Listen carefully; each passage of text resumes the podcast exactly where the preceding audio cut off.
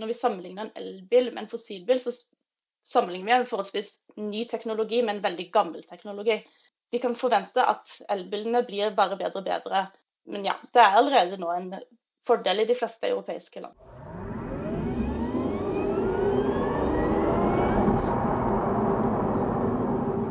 Velkommen til Elbil teknisk sett, Teknisk Ukeblads elbilpodkast. Jeg heter Mathias Klingenberg, og med meg fra Bergen har jeg min makker, min partner in crime, Marius eh, Valle. Hallo, Mathias. Hei, Marius. Noe av det som skaper mest debatt på våre sider, er livsløpsanalyser knyttet til elbil. Mm. Det er jo sterke meninger her, og mange, mange mektige organisasjoner som, ja, som uh, prøver å påvirke ved hjelp av slike livsløpsanalyser. Altså analyser som viser uh, bilenes uh, utslipp fra vugge til grav, fra det blir produsert til det blir resirkulert. Mm. Um, og når vi jobber med dette, så er det ett navn som eh, kommer opp eh, hele tida. Og det navnet er eh, Linda Agervik Ellingsen. Og vi har Linda med oss i dag. Hei, Linda. Hei, hei. Hei, for vi skal snakke om livsløpsanalyser. Og hvordan det har utvikla seg, og hva som egentlig altså, blir elbilene reinere. Og da er det jo fantastisk å få med deg. Du er jo eh, en, en eh, Ja, ut fra hva, hvordan vi leser det, er du en, en liten legende i LCA-miljøet. Du har jo Bare på Google Scholar så har du jo over 700 siteringer. Og de artiklene dine dukker opp eh, stadig vekk og blir debattert. Så hvordan begynte du å jobbe med LCR, og hvorfor har du viet din karriere til LCR? Du har jo doktorgrad eh, innen eh, livsløpsanalyser. Ja. Um, det begynte vel egentlig med det at jeg er eh, interessert i miljøet, miljøproblemer. Uh, og så begynte jeg å studere uh, energiteknikk, så jeg har en bachelorgrad i energiteknikk. Og da var jeg innom eh, brenselceller. Jeg syns det var veldig spennende hvordan brenselceller kunne få biler til å kjøre uten å gi noen utslipp. Eh, så det var på en måte der jeg først ble introdusert til eh, biler og teknologi, og eh, det miljøaspektet der, da. Eh, så jeg ble interessert og ville vite mer. Eh, og da var jo LCA den metoden man bruker for å kartlegge alle forskjellige typer miljøaspekter knytta til forskjellige teknologier, bl.a. elektriske biler. Nettopp. Og i dag så er du jo da seniorforsker ved Transportøkonomisk institutt? Ja. Begynte der for eh, litt uh, under en måned siden. Nettopp. Og da skal du fortsette å jobbe med livsløpsanalyser? Ja, det er det som er planen. Så jeg gleder meg ja. veldig til å jobbe veldig retta inn mot forskning på eh, transport. Det er det som er spennende, da. Nettopp. Men, men, hvordan er det? Får elbilene lavere klimaavtrykk? Eh, ja, de får jo det. Eh, det er jo forskjellige ting som påvirker elbilers klimagassutslipp. Eh, vi kan kanskje dele det inn i to hovedkomponenter. Da. Det er jo strømmen som lader batteriene under bruk. Eh, og så er det eh, batteriene selv, da. Eh, og Hvis vi ser på strømmen som lader elbilene, så i Norge har vi jo en veldig ren strøm. Så der er det ikke store utviklingen heller vi forventer. Men eh, ellers i verden, og spesielt i Europa, så ser vi at det er en overgang til mer fornybar strøm. Og det gjør jo at eh, elbilens klimagassutslipp de går ned, da, spesielt under bruk. Um, men så har vi jo også eh, faktorer knytta til batteriene. da, Og da er det jo for, dette er jo en ny teknologi, så vi forventer jo det. Og vi ser jo at det er en del forbedringer eh, og utviklinger. Eh, og det går både på selve batteriteknologien, eh, men også på hvordan de produseres. Så det er en del eh, ting der som gjør at vi, vi får generelt en nedgang i utslipp. Eh, Men så er det også noen ting som kan gjøre at vi kanskje kan få litt høyere utslipp også. Så det er en del forskjellige ting som, som skjer her. Men generelt så vil utslippene gå ned. For å ta det eh, først. Er det sånn at elbiler er ikke at elbiler ikke er noe bedre enn dieselbiler, i og med at det går med så mye CO2 under produksjon spesielt, og så går de på det enkelte kaller eh, skitten strøm fra Tyskland. Eh, er det sånn at elbiler er bedre i et klimaperspektiv, eller? Ja, generelt uh, så kan vi si at elbilen er bedre i et klimaperspektiv. Um, det er ikke sånn at elbiler lades med strøm produsert fra ren kullkraft. Altså I en del land så brukes det en del kullkraft for å lage strømmen, men det er én av energikildene man bruker. Uh, og som jeg nevnte allerede, så er det jo nå fokus, spesielt i Europa, men også andre steder i verden, at vi eh, produserer mer strøm fra fornybare kilder. Så det, det, er veldig få land hvor du har en ren kullkraft. Eh, så, så elbilene har stort sett en Det kan kanskje være få spesielle unntak eh, hvor de kanskje ikke har det, men stort sett på, på det store hele så har de mye lavere, eller en del lavere klimagassutslipp. Kan du si det sånn generelt for Europa, eller er det for hele verden? Um, generelt for spesielt Vest-Europa mm. uh, er det sånn at elbiler har lavere utslipp. I en del østeuropeiske land hvor det brukes mye kullkraft, f.eks. Polen eller Estland, um, så kan det jo være sånn at elbiler kan ha høyere utslipp. Uh, men generelt uh, så ser vi også i disse landene at det er det fokuseres på mer fornybar. Så det, vi vil si at det blir en bedring. Og det vi også kanskje kan påpeke, er at i starten av en teknologi så vil den ofte ha en del utfordringer, og så er det ting som eh, forbedrer seg etter hvert. Så når vi sammenligner en elbil med en fossilbil, så sammenligner vi en forholdsvis ny teknologi med en veldig gammel teknologi. Så vi kan forvente at elbilene blir bare bedre og bedre. Men ja, det er allerede nå en fordel i de fleste europeiske land. I hvert fall vestlige europeiske land. Mm. Hm. En annen ting Nå snakker vi om klima, men det er jo mm. Som jeg har eh, forstått når jeg har snakka med deg, er at det er en forskjell på klima og miljø. Kan ikke du kort forklare hva er forskjellen, og og, ja. og hvordan dere ser på det i ditt arbeid? Um, klima er jo en av mange eh, forskjellige typer miljøbelastninger som vi kan få som konsekvens av forskjellige produkter eller tjenester som vi benytter oss av. Eh, I seinere tid, og spesielt i Europa kanskje, så har det vært veldig mye fokus på klima. Det er sagt å være en av vår tids største miljøutfordringer. Men det er én av miljøutfordringene. Og så har vi også andre miljøutfordringer. Opp igjennom så har vi hatt forskjellige typer. Det er F.eks. på 70-tallet så var det veldig mye fokus på ozonlaget. Så har vi tidligere hatt en del fokus på forsuring. Så det er mange forskjellige typer miljøbelastninger. Og det er på en måte det vi eh, prøver å eh, problematisere, da. Eller belyse når vi gjør en LCA-studie, at vi ser ikke bare på klima. Ofte er det klima vi fokuserer på, men vi ser ofte på andre miljøbelastninger også.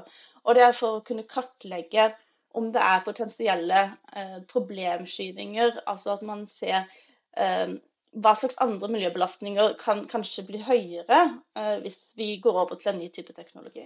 Mm. Og ofte er det sånn at det er ikke sånn at ett produkt er bedre med tanke på flere miljøaspekter. Eh, ofte vil det være bedre for noen typer miljøbelastninger og litt verre for andre. Så det, det er jo sånn vi også forventer og vi ser for elbiler, da.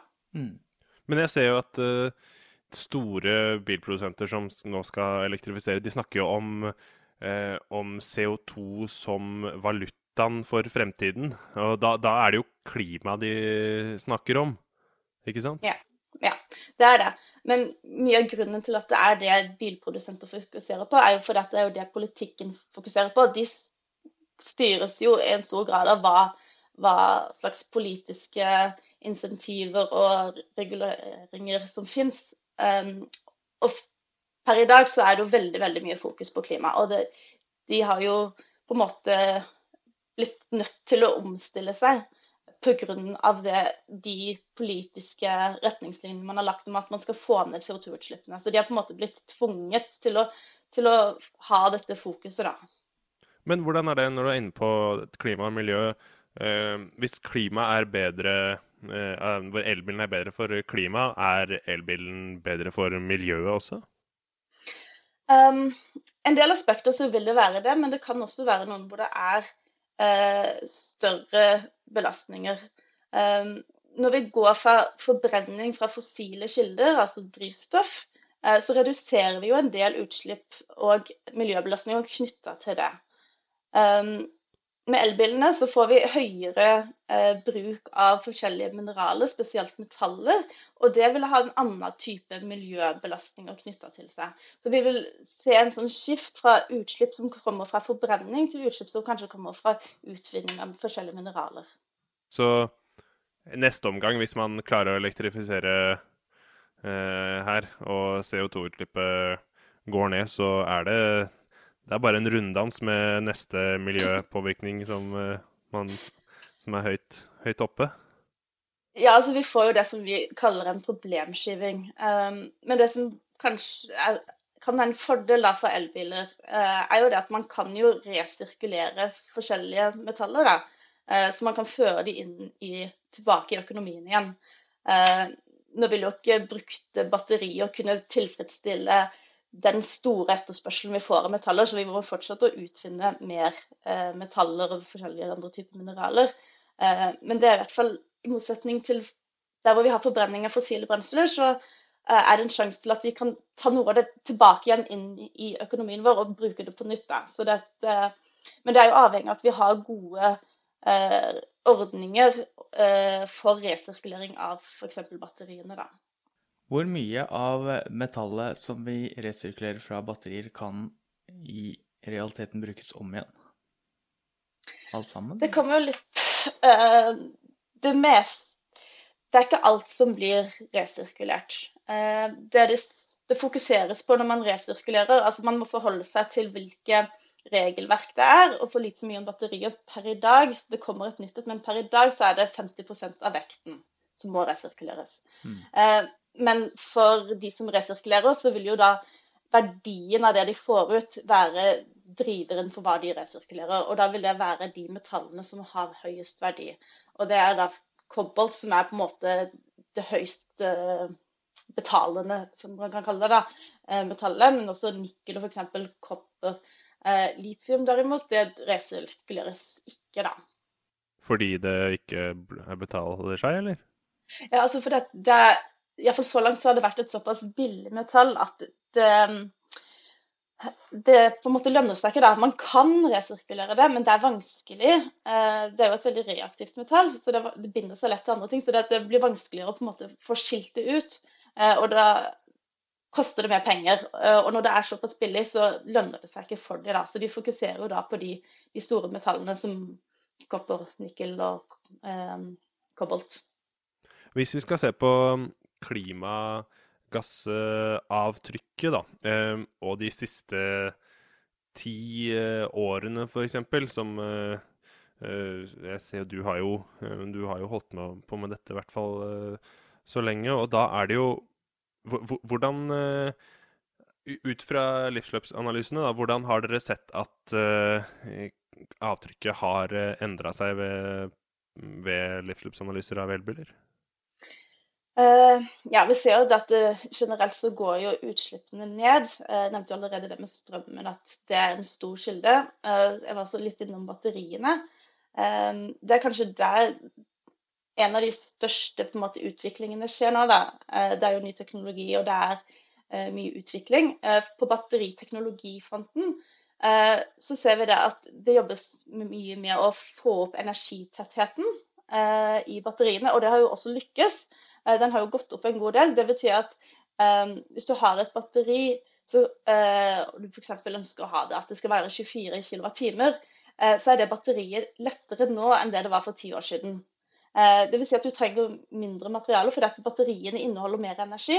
Så du, altså du, kan ha færre battericeller, så du, et, du, produserer mindre battericeller. og batteriet blir lettere. Så det er jo på en måte en sånn dobbeleffekt. At du får mindre produksjonsutslipp. Eh, og så får du også mindre utslipp i bruksfasen fordi du har et lettere batteri. Så der er det liksom eh, Energitettheten den har gått opp, og det er kanskje en av de viktigste eh, utviklingene på batteriteknologifronten. Men så har vi også utvikling innen produksjonen. Det produseres jo ekstremt mye flere batterier nå enn det de gjorde for ti år siden. Og du forventer at dette skal også fortsette å eh, øke ganske kraftig. Eh, og det vi ser nå, er jo at vi får eh, større batterifabrikker. Vi får, altså, får til masseproduksjon. Og når vi har masseproduksjon, så går energibehovet per battericelle ned. Så det betyr at per battericelle så bruker vi mindre energi, og det igjen fører til at vi har lavere utslipp. Så det at vi har fått masseproduksjon, det er en ganske stor utvikling. At utslippene har gått ned. Uh, men så, samtidig så er det en annen altså, ny utvikling da, som jeg syns er veldig spennende. Og det er vi ser at det er eh, batteriinitiativer eh, her i Norden og ellers i Europa.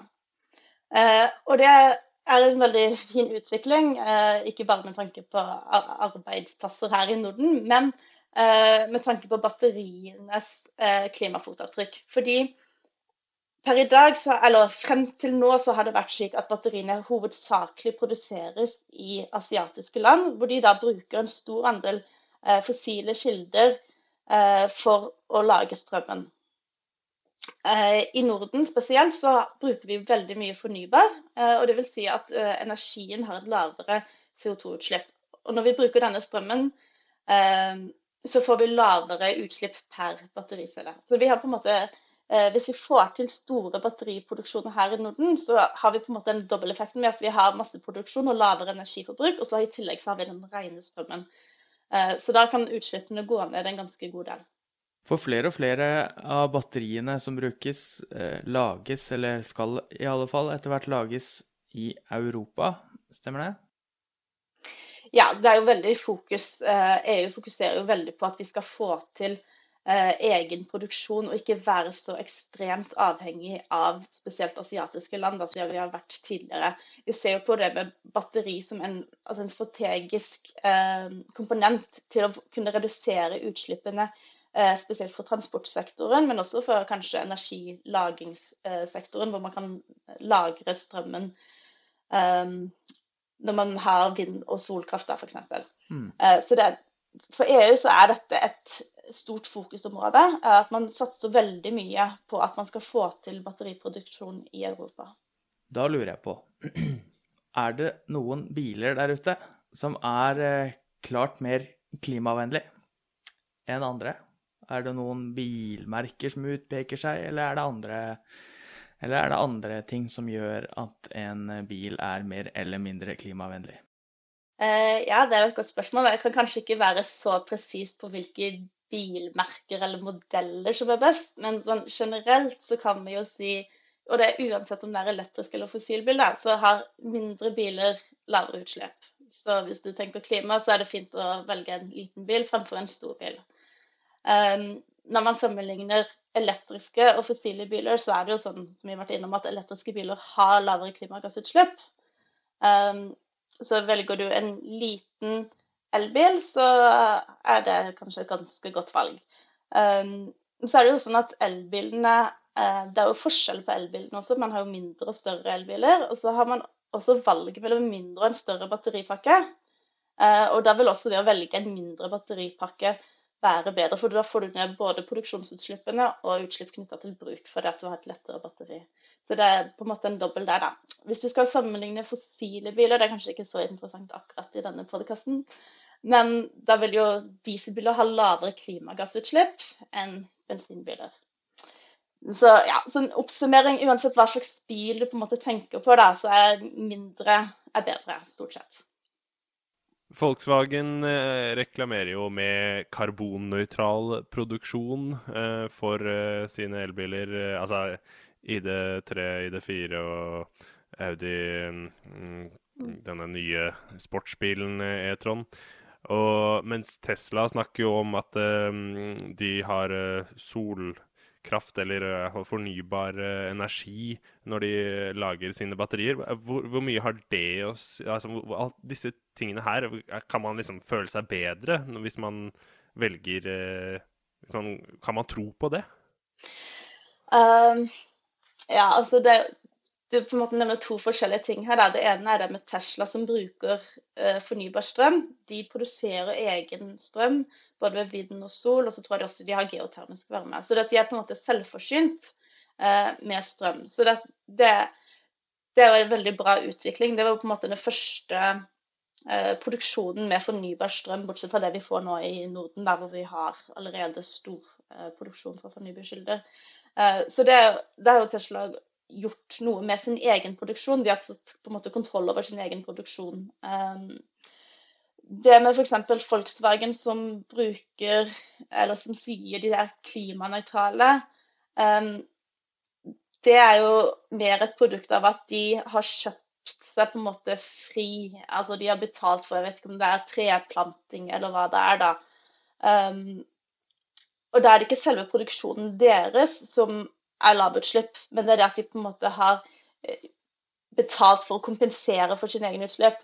Uh, og det er jo for så vidt eh, et fint initiativ, det å, å støtte treplanting.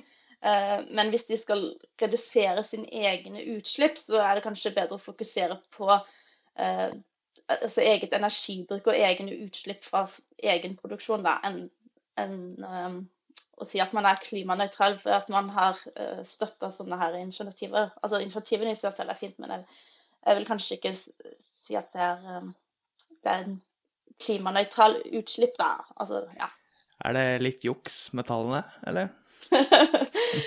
uh, ja, altså For min del da, så tenker jeg at det blir litt, litt sånn som å betale avlatt. Um, altså, som jeg sier, Det er jo fint å, støtte et sånt initiativ. Og det med å plante trær og Trær absorberer jo karbon. Men, um, men jeg syns kanskje det er viktigere å fokusere på egen eh, verdikjeder og egen produksjon, da.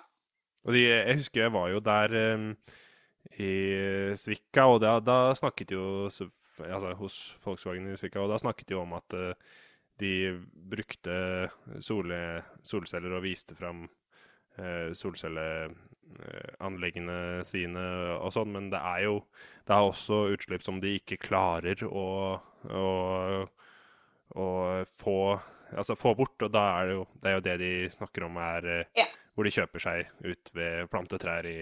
et annet land, f.eks. Ja, altså så lenge de gjør liksom det de kan for å redusere eget energibruk og sørge for at eh, energien de bruker, er ren, altså f.eks. solceller, så altså, da gjør de jo det de på en måte kan. Eh, men i de tilfeller hvor man ikke gjør noe med eget, egen produksjon, og kun går og betaler seg altså, karbonfri eh, Ja, det blir, det blir, litt sånn litt søkt for min del, så. Uh, nå skal ikke jeg si hva som er riktig og feil, da, men uh, jeg syns at man skal gjøre det man kan med å redusere egne utslipp. Og så kan man i tillegg støtte sånne initiativer, som jo tross alt er bra initiativer, da. En, en annen ting, og Du har jo nevnt dette med forsyningskjeden og utvikling i Europa. Det er mange som snakker om eh, at man skal lage en europeisk forsyningskjede. Er det, er det altså med bl.a. utvinning av eh, metallene eh, også? Mm. Er, det, er det store nok forekomster og lett nok å utvinne det i Europa? Eller, eller, er det bedre å utvinne det Finne steder hvor det er enklest å utvinne, og så eh, frakte det? Ja, det er et godt spørsmål. Det er jo som sagt veldig stort fokus i Europa, eh, EU, at man skal få til mest mulig um, selvforsyning av forskjellige mineraler. Um, så er det sånn at um, en del mineraler uh, kan vi kanskje utvinne og prosessere her i Europa. Uh, og det kan føre til lavere utslipp, men det er ikke en automatikk i det. I vestlige, vestlige europeiske land så har vi moderne teknologi, og vi har forholdsvis ren strøm. Så hvis man bruker en del energi så vil det ha kanskje lavere utslipp enn hvis man gjør det andre steder i verden. Så det, det er jo eh, veldig bra. Og fordi metallene eller mineralene hvor det er mulig, så, så kan det være en måte å redusere utslippene. F.eks. det med aluminiumproduksjon i Norge. Det er jo eh, et veldig godt eksempel hvor norskprodusert aluminium har mye lavere utslipp enn fra aluminium fra andre steder i verden. Eh, men så er det ikke sånn at vi har alle typer eh, mineraler i Europa. Eh, F.eks. litium har vi ikke noen særlige forekomster av, så vi kan ikke utvinne dette selv. Vi kunne kanskje prosessert det hvis vi importerte selve råvarene fra Det vil da være Australia, typisk. Men så spørs det om hvorvidt det egentlig gjør det bedre hvis vi må transportere masse materialer eh, hit for å så videreutvikle det. Um, så det er ikke nødvendigvis altså det, det, mener at det er ikke noen automatikk at det er bedre å gjøre det her i Europa. Og så er det ikke sikkert at de altså vi, Så er det andre mineraler som vi kanskje har forekomster av. Uh, men det er ikke sikkert at de er en veldig høy uh, Altså at forekomstene i disse årene er spesielt høye. Og da kan det kanskje føre til at vi faktisk må bruke mer energi for å utvinne det. Eller kanskje vi må grave enda dypere. Så det kan føre til at vi faktisk kan produsere utslipp, eller produsere mineraler som kan ha høye utslipp. Så det, det, det, er mulig å produsere en del mineraler her i Europa, men det er ikke automatisk lavere utslipp pga. åreforekomstene kan være lavere da. Eh, men så er det jo også det at man kan se kanskje litt lenger opp i verdikjeden. Eh, det med å produsere forskjellige eh, materialer, f.eks. katodematerialet. Northvolt har jo veldig stort ønske om å produsere selve katodematerialene selv. Og det kan jo også være bra, for det er også energikrevende. Så det at selv om vi kanskje ikke kan klare å utvinne alt og prosessere det her, så kan man kanskje produsere noen av de her Eh, produkter som blir brukt inn i batteriene. Da. Så jo mer vi kanskje klarer å altså Vi bør kanskje være litt sånn selektive hva vi velger å eh, Eller hva som er mulig å eh, utvinne og produsere her. Og så kan man kanskje klare å optimalisere hvor store utslipp man får. Jeg lurer på en annen ting. Mm. Vi ser ofte at det kommer ulike rapporter som kommer til overraskende eh, Har overraskende konklusjoner. Med tanke på elbiler og er de bedre eller dårligere enn tilsvarende dieselbiler osv. Og, en del av disse rapportene blir jo da måte holdt fram som bevis på Se her. Elbiler er ikke bedre for klimaet. Og da lurer jeg på hvem er det egentlig som eh, lager disse rapportene? Er det seriøse forskere, eller er det andre med andre interesser eh, bak? Eh, kan du si noe om det? Ja, det har jo kommet ganske mange LCA-rapporter på elbiler etter hvert. En del av disse Rapportene er publisert i fagfellevurderte journaler. Eh, altså De har gått gjennom en slags kvalitetskontroll. Men så er det også en del av disse rapportene som ikke er fagfellevurdert, men som kanskje bare blir publisert på de som har laga hjemmeside eller et eller annet sånt noe. Um, og det vi generelt ser, da, er at en del av disse LCA-rapportene som ikke er fagfellevurdert, de ser ut til å ikke være spesielt objektive. at man på en måte Det vitner litt om at man har hatt et ønska eh, resultat når man har gjort denne såkalte analysen. Eh, for ofte så er ikke disse rapportene heller det er jo kalt en ordentlig LCA-analyse. Det er mer det at man har gjort noen utregninger basert på data og resultater fra tidligere LCA-studier, så har man satt det sammen. Så man har gjort en utregning hvor man har valgt eh, enkelte eh, datakilder. Da. Eh, og når man gjør det på den måten, så kan man fort sette det sammen til å få det resultatet man på en måte har lyst på. Eh, så det, er ofte det at, at de, de, virker ikke spesielt objektive, disse resultatene, eller analysene. Um, og det er på en måte sier basert på at når du går gjennom dataene der, ehm, så ser du at det ikke Sammenligningen er ikke gjort på en konsistent måte. altså Utregningen er ikke gjort på likt grunnlag. Så det, det, er på en måte veldig viktig når man gjør en LCA, at man er objektiv, og at man gjør det mest mulig på en nøytral måte. Og det virker det som at flere av disse ikke er, da. Så de har på en måte skrevet konklusjonen først, og så har de regna seg fram til, eh, til, det de vil vise? Det kan jo nesten se litt sånn ut, da. Um, jeg nevnte jo at en del av disse utregningene ikke er spesielt konsistente. Et eksempel på det er at man har sammenligna en SUV-dieselbil med en liten elbil. Altså, mm. altså en, hver person kan kanskje se at det kanskje ikke er en rettferdig sammenligning. Man bør sammenligne like biler med hverandre. Men er det her et problem?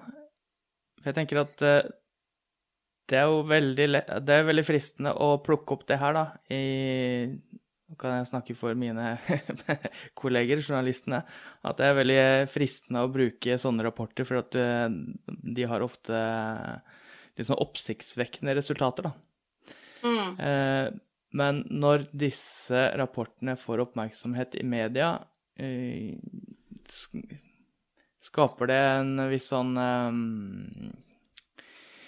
Sår det tvil om hva man vet og hva man ikke vet, egentlig? Uh, det kan jo på en måte være litt skadelig for diskusjonen, da. Um,